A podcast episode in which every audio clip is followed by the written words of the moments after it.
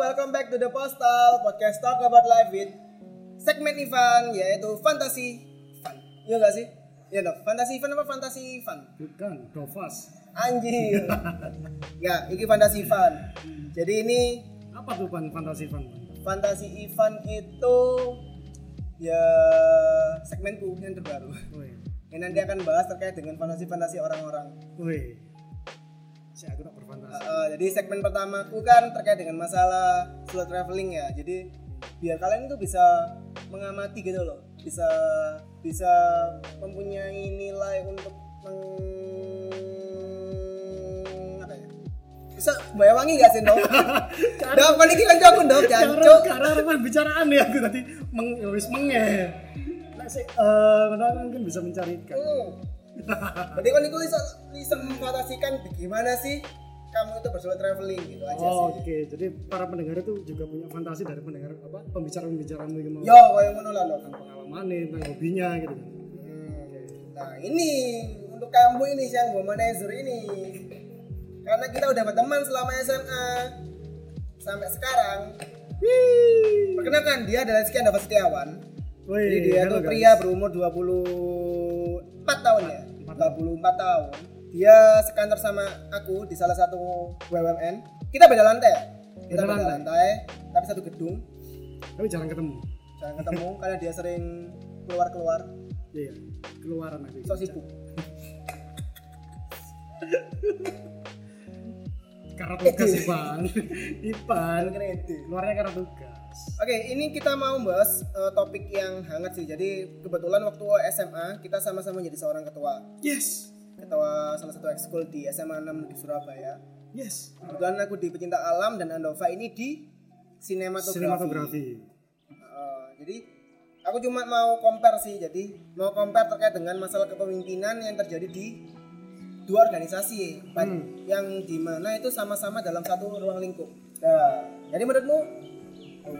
Jadi tolong ceritain sih seperti apa organisasi yang dulu kamu pimpin itu seperti apa budaya budayanya terus secara singkat gitu sih. Oh. Singkat kan, hmm, aku dulu ketua di sinematografi, terus pas aku masuk jadi ketua, itu berubah nama jadi Screen. Jadi singkatannya Sixers Creative Movies. Karena kita kan anak SMA Sixers. Udah singkat. nah, untuk kan guyu ta iki wong lurut tok kok aku berkomentar dan gak ono respon rasanya aku ngomong dhewe. VN ta iki. Ya dong. Ah, nah, kayak Kita perbaiki, kita perbaiki, kita perbaiki. Oh, tolong ditingkatkan Pak. Amin. bisa ya Yuk. jadi aku itu dulu di Sixer eh di Scream atau di sinematografi ya gampangnya Ah. itu aku jadi ketua umum di mana aku juga lagi sibuk-sibuknya eh, aku di keorganisasian di SMA lain sebagai atlet di olahraga bela diri Hmm. Terus aku juga itu waktu seneng-senengnya ngeband ya kan kalau kalau lomba-lomba. Alhamdulillah juga pernah juara dan di saat yang sama di kelas 2 itu kan waktunya kita seneng-senengnya ya, harusnya. Harusnya. seharusnya. Itu aku dimandatin sebagai ketua umum. Di ketua umum ini kan harusnya ketua umum terus wakil satu wakil dua gitu. Ya. nah karena dua kandidat lainnya adalah teman akrabku sendiri aku ngerubah wakil satu wakil dua tak jadiin ketua satu ketua dua. Wow. Jadi ada ketua umum ketua satu ketua dua karena mereka tetap ketua gitu. karena dengan aku mikir dengan kesibukanku Tidak terus. makanya tak budak dengan kesibukanku kalau aku eh, sebagai ketua umum nggak ada kan sawangannya kan organisasi nggak disetir eh, nggak disetir sama ketua umum nggak ada ketuanya nah kalau ada ketua satu ketua dua ketika aku nggak ada mereka bisa backup Tuh, ketika mereka eh, Brengsek sekali. itu salah satu strategi organisasi Oke ya kan? oke oke oke oke. jadi ketika Hanya mengganti nama untuk untuk benefit sendiri Iya iya iya iya. kan di masing-masing mereka juga ada pride yang dari job desk sendiri jadi ketika aku nggak bisa untuk spesial hari Sabtu kita kan masuk untuk eskul Hmm. itu karena aku Sabtu itu fix jadwal untuk kegiatan bela diri tak mandati ke ketua satu jadi ketika ada eh, anggota-anggota baru atau anggota-anggota lama siapa sih orang ini kok ngelit-ngelit terus padahal ketuanya bukan dia? Oh ini loh mas ini mas Doni dia ketua satu. Hmm. ada mas Doni lu wah ada mas ini lagi loh? Ini siapa? Oh mas ini ketua dua. Ya gitu terus sampai ketua ke 300 loh. Dan tugasmu? Tugas saya adalah mengkoordinasikan dan mereka. tanda tangan proposal tanda tangan. Iya, jadi karena mungkin aku juga yang tak utamakan dalam organisasi yang aku pimpin dulu, organisasiku itu bobrok. Aku merasa organisasiku bobrok secara internal. Jadi aku ingin memperbaiki secara internal dulu sebelum kita create karya. Karyanya kita kan movie kan, ya legal Eh, film-film pendek. Jadi kalau ada festival-festival itu kita ikut lomba-lomba gitu. Jadi beberapa kali pernah eh, masuk ke 25 besar festival film Jawa Timur hmm. terus pernah jadi ini ya aku pernah diundang di Indie Clothing Expo ICE tahu. Itu aku screening screeningku di sana. Terus pernah masuk ke majalah Provok anak-anak Nah, SMA kan pasti tahu kan masalah Prov- majalah Provok nah itu aku pernah juga masuk ke sana. Nah itu aku karena ngerasa ini organisasiku internalnya jalan.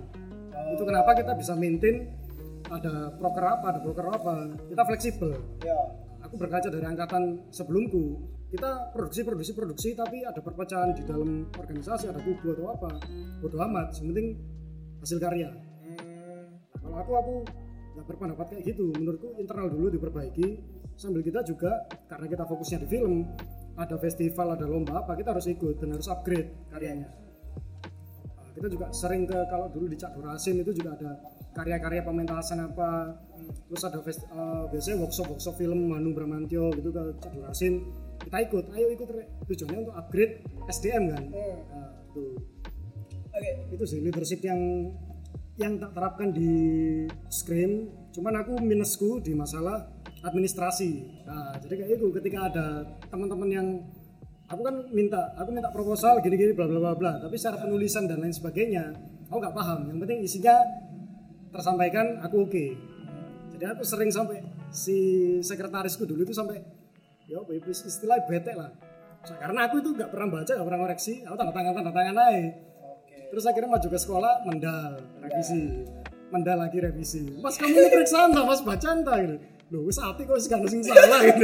Menurutku gitu. Tapi kan sekolah punya standarnya. Itu sih. Eh, untuk masalah perbaikan masalah internal lah. Nah, itu dari segi kekeluarganya dia kan tadi kamu bilang kan terkait masalah kubu-kubuan jadi Iya. lebih ke kayak merakatkan mereka atau lebih kayak meningkatkan sumber daya mereka terkait dengan masalah perfilman Eh, kalau dibilang kekeluargaan, aku sebenarnya lebih sepakat ke profesionalitas. oke Karena menurutku film itu butuh profesional, gak butuh kekeluargaan. Karena ketika kamu sutradara, kameramen dan artis bertengkar, tapi movie itu harus stick, ya wis stick. bisa bisa harus bisa jadi bodo amat kekeluargaan nanti aja itu urusan nanti kalau ada buka bersama atau apa itu baru kan kekeluargaan itu aku juga bikin divisi sendiri yang handle khusus SDM Nah, jadi eh, dulu ibaratnya nggak ada? Nggak ada. Tahunmu ada? Ada tak bikin kayak gitu. Jadi tahun sebelumku itu nggak strukturnya itu nggak jelas ya. cuma utamanya ketua kalau di atas kertas mungkin jelas semua ya. Ya tapi ketika aktualisasi mungkin yang lain-lain itu nggak pernah datang. Makanya yang jadi sekretaris yang jadi ini yang jadi koordinator nggak pernah ada. Nah, di tempatku ketika aku jadi ketua tak kuatin di sana. Fungsinya ketika nanti eh, ah, fungsinya adalah ketika nanti aku kepingin create movie atau apa SDM ku ini udah enak. Dia wis sempat eh, siap tempur. Ibaratnya kayak gitu. Hmm. jadi aku lebih ke orientasi ke ini pengembangan SDM dulu. Baru SDM api karya insya Allah api karena waktu itu adalah sebuah karya. Hmm. Eh, kita sharing aja kita sharing aja. Jadi waktu kebetulan waktu aku menjadi menjabat seorang ketua itu emang aku pertama nggak punya niatan sih menjadi seorang ketua. Oh oh iya punya niatan terus kemudian kebetulan calonnya cuma ada dua cowok dua cowok aku sama Arya. Hmm. terus habis itu setelah aku berdis- berdiskusi dengan Arya karena Arya ini emang nggak bisa jadi ketua terhalang dengan waktunya eh, perizinan waktu. Akhirnya aku memutuskan untuk menjadi seorang ketua yang gimana aku sebenarnya itu kayak kamu hmm. jadi aku suka ngeband terus aku Hmm. kayak ya zaman zaman SMA banget Oh. lah kita seneng fun ya kan, nongkrong gitu gitu bener. Jadi kayak aku merasa terbebani dulu tau terbebani. Karena aku nggak siap aku nggak punya pikiran buat menjadi seorang ketua gitu dan temenku emang sudah siap. Hmm. aku emang sudah siap. Karena di pencipta alamku itu di apa ya kayak dituntut untuk waktunya itu 24 jam. Hmm. waktunya 24 jam untuk sharing-sharing terkait dengan masalah-masalah kita alaman ke para para alumni ke para para teman-teman kita alami yang di atas senior. Oh. atau di sama-sama SMA SMA tapi betul-betul dedicated waktunya untuk mana pala gitu kan ya? Bener. Lah karena aku masuk di dalam itu akhirnya aku kaget kan aku gak punya latar belakang background keorganisasian. Akhirnya aku jalanin aja. Hmm. Namun karena kekerasan dalam ini ya kekerasan rumah dalam tangga bukan kekerasan dalam menuntut mindset bahwa aku harus bersikap benar hmm. dan tepat jadi semua kegiatan itu sangat dirinci dan sangat dirinci dan dinilai oleh para alumni dulu Hmm. jadi kita nggak dikasih be- kebebasan Oh jadi benar-benar kayak kamu setiap tindakanmu harus ada pertanggungjawaban nih, harus Iya. ada gini nih, alasannya apa gitu kan? benar dan akhirnya aku paranoid Ah, jadi rata-rata semua pekerjaan yang ada di organisasi keorganisasianku itu aku kerjain sendiri hmm. baru aku kayak sukan ideku itu ke teman-teman dan Oh. aku sangat memantau perkembangannya teman-teman Hmm. kayak gitu jadi saya aku takutnya untuk laporan LPJ Jadi LPJ di SMA aku itu kan setelah aku keputusan LPJ selesai Ah. nah, LPJ ini yang momen di mana aku takut gitu loh kayak dihabisi oleh para alumni Hmm. karena dulu emang gak dikasih kebebasan jadi aku sangat takut kan jadi aku sangat uh, perfectly lah untuk apa ya untuk mengurus sebuah organisasian Hmm. jadi aku kayak gak nyaman cuma dari sana akhirnya aku sadar bahwa semua pekerjaan pasti bisa dikerjakan Pasti. karena, eh, karena dulu emang aku ya aku yang hura-hura terus kemudian aku aku akhirnya berubah menjadi orang yang memikirkan sesuatu yang sangat detail terus kemudian aku belajar banyak dari karena gini pasti punya pride di mana aku harus lebih tahu daripada teman-teman yang lainnya Ya, Aku tuntutan seorang belajar. ketua ya kan, beban moralnya. Ya. Mm-mm. akhirnya aku lebih belajar lagi lebih, belajar lagi dan sampai satu titik di mana aku bisa mengerjakan semuanya Wih, ya gitu dan akhirnya aku ber eh, lebih kayak ke persuasif ke teman-teman untuk menyampaikan ide-ideku ke mereka hmm. Kayak gini loh kayak gini loh. Dan alhamdulillah mereka juga setuju kayak gitu. Sampai ada sih aku punya tiga tiga orang dua orang yang di sana itu sangat bertolak belakang dengan aku. Hmm. jadi karena aku didasarkan oleh fakta eh didasarkan oleh fakta dan pengetahuanku yang terkait dengan masalah sumber-sumbernya udah jelas kan ya dari Ah. beberapa artikel atau saya naik gunung nih. Aku tahu kalau gunung ini kayak gini gini gini gini dengan artikelku terus yang kedua ada satu temanku yang dia pernah naik gunung di SMP gunung terus kemudian dia tahu kayak gunung kayak gini gini loh jadi dia lebih ke faktanya dia Yang pengalamannya dia, Pengalamannya yang dia. dia tahu gitu. yang satunya logisnya dia Hmm. cara orang awam dia kan apa ya dia aktif gitu dia logis ke ininya ke ke nilai-nilai yang dilontarkan ke teman-teman itu dia lebih logis jadi Hmm. otomatis banyak yang masuk ke logisnya Oh, karena nalarnya bisa lah diterima gitu kan ya. hmm nah di sana aku akhirnya akhirnya belajar loh belajar biar sampai di mana satu titik aku gak harus berupa data namun aku harus bisa mempersuasifkan mereka untuk menjadi satu tujuan yang sama kayak aku jadi Ah. lebih kayak gitu Itulah gunanya leader ya kan. hmm, Gunanya akhirnya leader ya itu. kita gunakan aku di Kita nggak perlu kerja keras. Arti dari manajemen adalah mencapai tujuan dengan memanfaatkan sumber daya yang ada. benar Itu leadership. Ya itu sih momen-momen kita ya Tapi kan gimana caramu ketika menghadapi itu? Eh, orang punya latar belakang beda-beda, anggotamu atau strukturmu. Dan mereka orang-orang yang keras bersikuku pada pendiriannya masing-masing kayak yang satu yang logis, yang satu eh, experience-nya dia sendiri. Terus kan ngatur ngeblend itu biar menjadi satu keputusan itu ya atau itu otoriter. Ya yes, oke tak putusi, putusnya gini atau kamu campurkan atau ya apa biasanya Arya Arya itu penengah sebagai penengah. Nah, temanku Arya itu sebagai penengah jadi mereka dia kayak gabungin kita sama-sama atos awal-awal itu kita Hmm. sama-sama atos terus Arya yang kayak ngeblend sebenernya kayak gini aja karena Oh. mungkin mereka dia lebih ke sisi bapak-bapakan ya Hmm, jadi apa lebih banget sih. Dan akhirnya aku punya kubu. Jadi sebelum aku mengumpul akhirnya terakhir-terakhir itu ya di tengah-tengah itu sebelum aku mempunyai rapat. Aku sebelum aku rapat aku kumpulkan ke teman-temanku dulu. Misalnya aku beberapa temanku Dani Arya. Jadi kayak suara mayoritas gitu loh. Hmm. aku samain visiku ke mereka. Baru saat aku tes ini loh kayak gini loh terus mereka akhirnya setuju. Hmm, meskipun dia nggak setuju otomatis karena ini ada suara mayoritas yang menurut suara mayoritas itu banyak dia mengikuti. Oh, mau nggak mau. dan kebetulan waktu aku pecinta alam aku juga punya keinginan untuk karena aku jadi seorang ketua kan berat untuk menciptakan apa ya Lapangan menciptakan lapangan pekerjaan lapangan kewanitaan itu banyak kan. Iya kan banyak. Jadi itu yang tak manfaatin gitu dulu. Jangan kenal jadi ketua nanti ada adik kelas kita gituin hah? Gituin ah. Nah menurutmu nih tak gituin. Lingkaran cewekmu itu seperti apa waktu kamu jadi seorang ketua? Soalnya aku aku aku ngambil emang serius. Jadi karena yo banyak sih beberapa korban lah di kelas ke sini hmm, nyantol nyantol ngomong iya. jadi nah lah kamu seperti apa?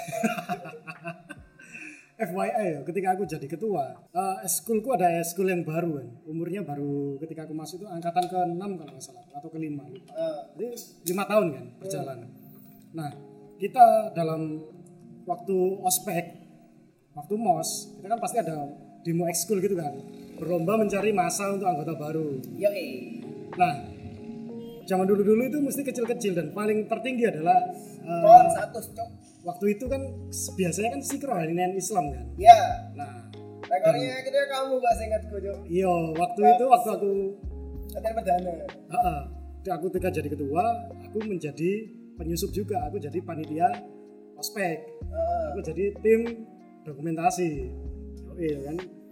Weh, gambar-gambar. Wah, oke nih, oke nih, oke nih. Wah, ini dia punya geng kayak gini nih. Ini oke nih. Tembak ketua anggotanya melok kabeh kayak gitu. Oke. Jadi di konsep. Nah, Akhirnya ketika demo eskul kita ya biasa aja demo eskul nonton film, eh, film ya paling gitu-gitu aja.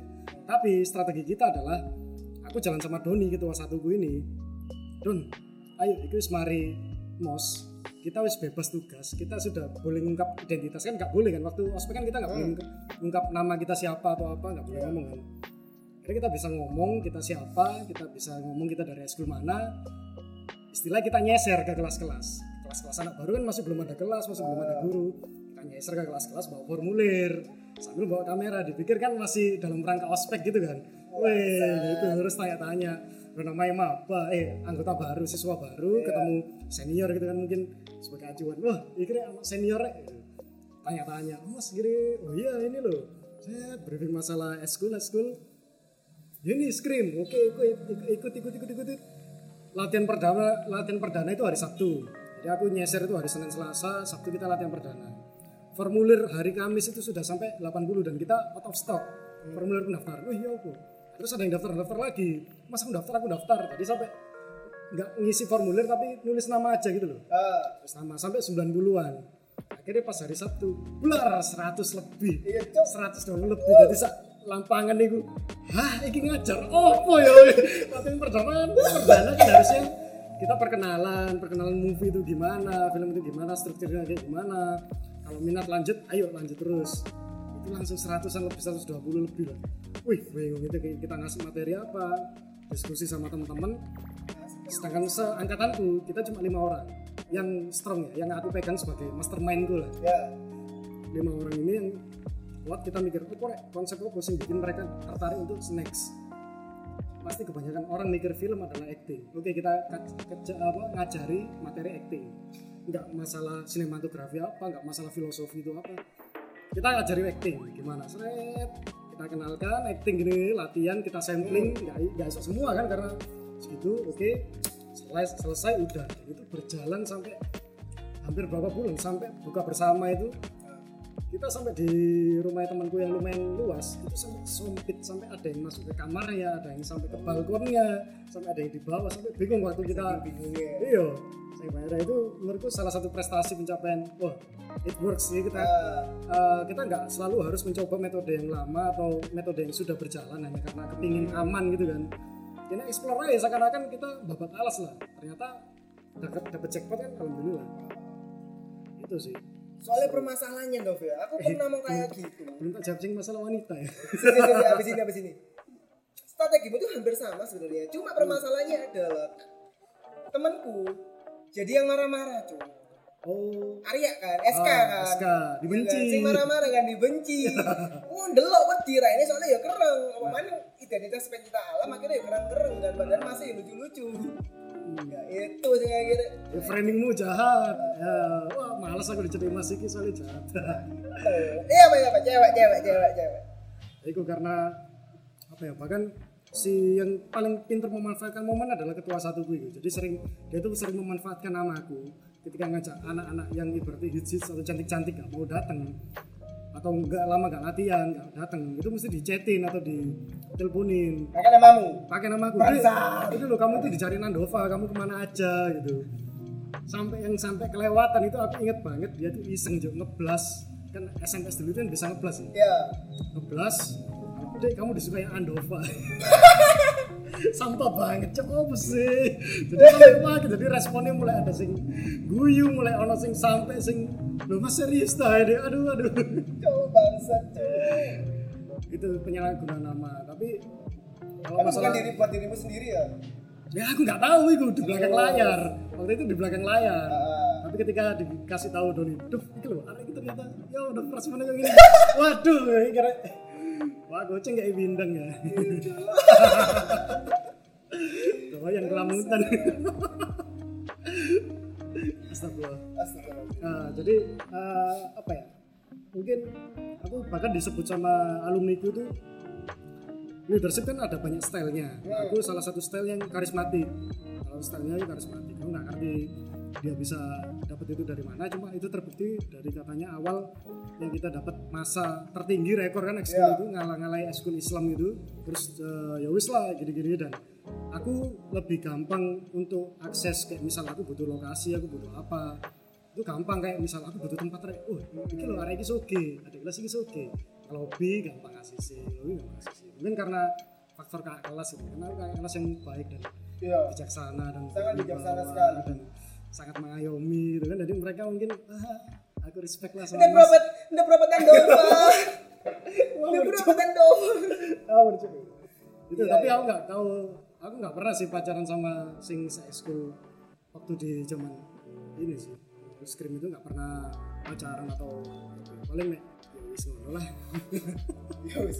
wedi wedi maritik ditakoni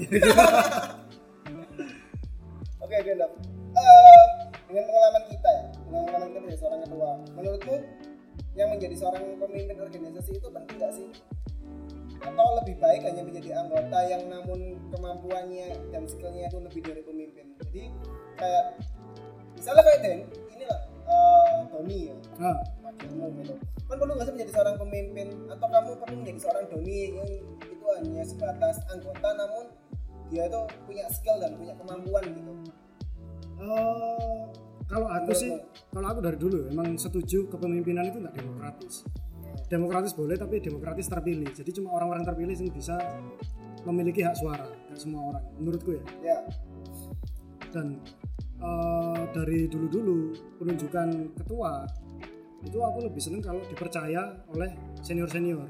Hmm. jadi senior-senior ngerapatin gini oh ini ditunjuk sebagai calon-calon ketua.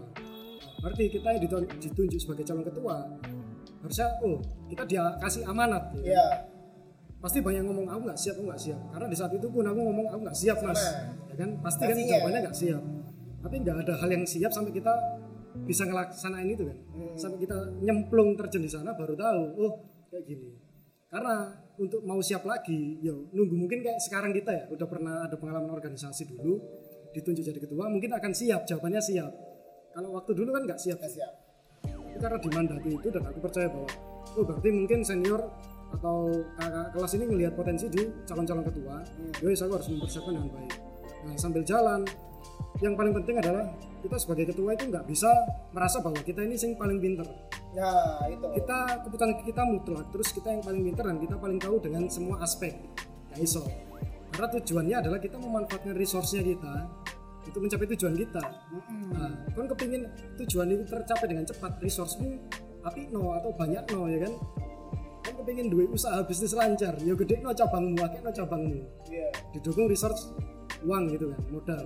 Nah kalau di konteks organisasi kamu kepingin mencapai tujuanmu dengan baik organisasimu yo ayo resourcemu diperkaya. Dengan cara ya apa ya sama-sama sharing apa belajar bareng.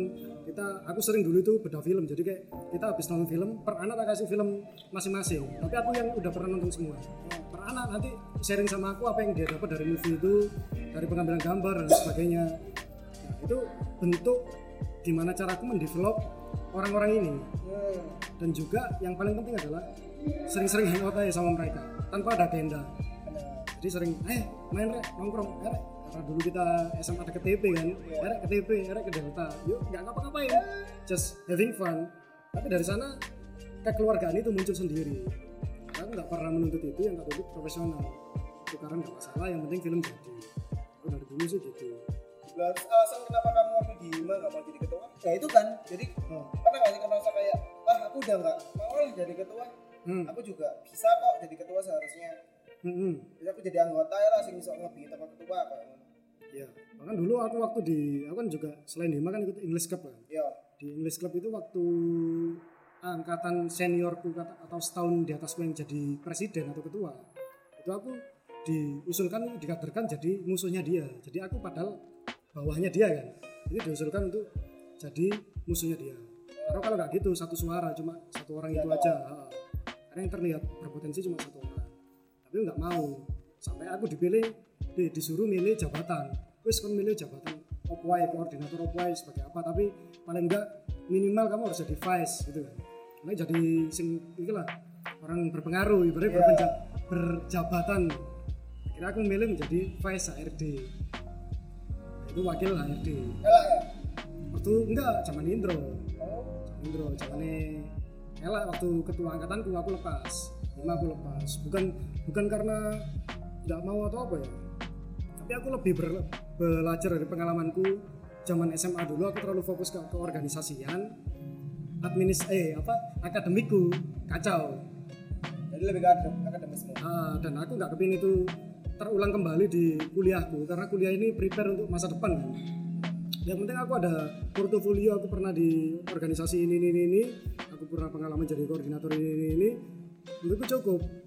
Karena kalau aku kepingin mendevelop, mendevelop diriku itu bisa. Aku jadi ketua hima jadi apa gitu kan. Mungkin aku bisa mencalonkan walaupun belum mesti kepilih kan. Enggak aku bisa mencalonkan. Tapi gimana dengan nasib-nasib teman-temanku yang belum pernah ikut ke organisasi? Karena kebanyakan ketika di kampusku kampus kita masih banyak eh, teman-teman yang awam sama dunia organisasi. Yang ketika dia jadi ketua pun dia bilang ini aku pertama kali jadi ketua nah bayangin ketika orang-orang yang kayak kita yang dulu-dulu SMA-nya itu sering jadi ketua di Hima itu jadi ketua lagi. Nah teman-teman yang biasa maksudnya yang dulu-dulu itu jadi anggota atau dulu bahkan nggak sempat ikut organisasi itu kesempatannya kapan lagi kan? Padahal kita juga butuh portofolio itu untuk mengisi CV kita guna apply kerja. Aku mikirku sih sampai ke sana. Bijak sekali anda ya. Ah, ah, bijak banget. Bijak sekali kan nama aku Rizky Andova S. Bijak sono. Enggak Rizky Andova S Socrates itu. Fuck you. Oke oke oke. Lebih ke itu dan nggak kepingin ganggu akademiku. Jadi aku pengen bisa batasin kalau aku dulu sih biar lebih kayak lebih lepas sih loh jadi aku gak mau Hmm. lagi dituntut. Karena karena udah cerita di awal kan kalau aku tuh sangat dituntut. Sampai aku bener-bener awal itu takut dan kayak lebih ke belajar semuanya biar itu nggak jadi kesalahan gitu loh. Zero apa ya zero Mistake. zero error. Zero oh, error. zero error. Jadi aku sampai terjun langsung deh bendaranya sekretarisnya gitu. Dan akhirnya aku baru sadar bahwa ketua itu gak kayak gitu. Ketua itu ya persuasif itu mengajak mereka biar mereka tuh mampu untuk sesuai dengan visi kita mendevelop mendevelop mereka. Jadi Ah. aku dikasih saran sih sama Arya itu. Jadi teman-teman yang kayak teman-teman yang nggak pernah jadi ketua kepanitiaan itu tak ajak. Tak Hmm, jadikan ketua kasih kesempatan gitu kan. Oh. itu dikasih saran sama Arya sih akhirnya yo asisnya lah meskipun hasilnya juga aku lebih ngoyo lagi karena nggak bisa melepaskan dia kan karena ketakutanku ah ini loh ini kan apa ya kamu punya 100 orang. Yang di awal itu kamu punya 100 orang kan. Yo, dan eh. aku itu biasanya latihan perdana kita alam itu hanya paling banyak itu 10 dan rekor terbanyak itu 25 dan itu dua tahun di atasku karena cowok-cowoknya ganteng-ganteng oh karena cowoknya yang ganteng di angkatan itu cuma beberapa hmm. jadi dan ceweknya kami-kami sih lumayan jadi itu jadi itu Mesti point, point of interestnya kan Oh, yo kebetulan berapa ya? 10 kok. 10 kok. Lagi perdana itu 10. Dan angkat adik kelasku yang setelah ditingkat juga tetap 10. Nah, ya kan 100 nih. ah Aku kan mendevelop orang itu biar mereka itu kerja, aku percaya dengan mereka, serahin tugas ke mereka, mereka mengerjakan secara baik gitu kan. Hmm. Nah, kamu kan punya 100 nih. Ini pertanyaan klasik. Jadi pernah kita juga pernah bahas ini sama wakil Hima dulu. Hmm. menurutmu kualitas atau kuantitas kualitas karena di prinsip di sinematografi ini di eskulku yang dari awal sampai sekarang masih kepegang adalah lebih baik satu hiu daripada seribu teri. Seribu teri yo di lak hiu satu aja wis hilang. Kan di Doni mati kan Ah, tapi di tahunku aku nyoba. Kenapa harus milih seribu teri atau satu hiu? Kenapa nggak seribu hiu? Ya. Bisnis lebih sangar. Kan ternyata walaupun itu bisa running well orang dengan idealisme orang dengan seribu hiu pasti kan takutnya dipangan dewe kan atau sa- sesama hiu saling kanibal. Hiu kan kanibal? Hiu kan kanibal ya. Iya. Saling aku belajar di Kisame. Kisame ketiga. Kisame Naruto. Kisame Street. Ya Kisame itu ngomong lagi itu kanibal. Ya itu. Benar kan? Terus terus. Itu. Dan ketika itu running dengan seribu hiu aku men- berusaha menjadikan seribu orang ini hiu. Tetap nanti pada akhirnya kita harus milih antara kuantitas sama kualitas. Gajah hiunya siapa Hmm. Dan hiu mana yang kita prioritaskan? Tetap gitu. Walaupun semua hiu, tapi kita harus milih hiu yang mana yang paling bisa megang kontrol di hiu-hiu yang lain. Hiu mana yang berpengaruh ke hiu-hiu lain. Dan itu salah satu pelajaranku paling berharga karena aku dulu itu sangat skeptis masalah masalah kuantitas dan kualitas. Ya. Dan aku mencoba ngeblend itu dengan kuantitas yang banyak, develop jadi kualitas yang bagus. It doesn't works. Karena eh, aku ketolong banyak orang itu karena masuknya itu geng-gengan kan. Ya tapi ketika geng-geng atau ketua-ketua gengnya ini apa mungkin, mungkin sakit hati sama aku itu kan metu ketua gengnya. Metu nggak apa ya? Nggak mau terima ya? Nggak ngono ya? Eh, eh, lanjut aja lanjut. Organisasi organisasi. Iya. Jadi kalau aku akhirnya bisa berkesimpulan bahwa gimana pun porsinya tetap kita akan condong ke mana. Kuantitas atau kualitas? Dan menurutku quality is the best. Sebut sekali. Karena emang gini ya ya waktu di pecinta alamku itu eh, kita emang memilih orang yang emang bener-bener bisa gitu loh bisa Hmm. dalam artian bisa kita jalan bareng-bareng Hmm. karena karena kita sistemnya keluarga kita harusnya jalannya bareng-bareng nah karena jalan bareng-bareng itu akhirnya gak mau kan kalau misalnya kamu itu punya jalan temen yang seo seo apa kita bisa Ah. lari nah dari sana karena kekeluargaan itu aku terbatasi oh itu sih menurutku seperti gitu. itu dulu heeh. Karena keluargaan itu. Jadi ya ada poin plusnya sih. Kita emang seperti kayak keluarga. Hmm. kalau main ke mana ya juga bersepuluh. Hmm. kita sampai sekarang juga tetap Solid, kawan-kawan. Eh, tetap solid. Dan emang pecinta alam memang solid kan. Cuma kelemahannya ya emang itu. Kalau di balik lagi ke dunia profesionalitas karena kalau kita bandingkan ke kamu sama aku ya Hmm. ke profe- profesionalitas itu ya sekarang karena aku di dunia kerja tetap harus profesional sih. Profesional Mas. Jadi meskipun keluargaan ini ini bisa nolong area dia dan no pemimpin Ya, bisa. karena itu udah udah di pekerjaan. betul Oke, terima kasih atas sarannya ya Mas dan Sama-sama, ceritanya semoga katalognya bertambah. Nanti bisa berbagi. katalog portofolio organisasi Iya, gitu. Oke, Alhamdulillah. thank you. terima kasih Pan sharing-sharingnya Selamat malam. Selamat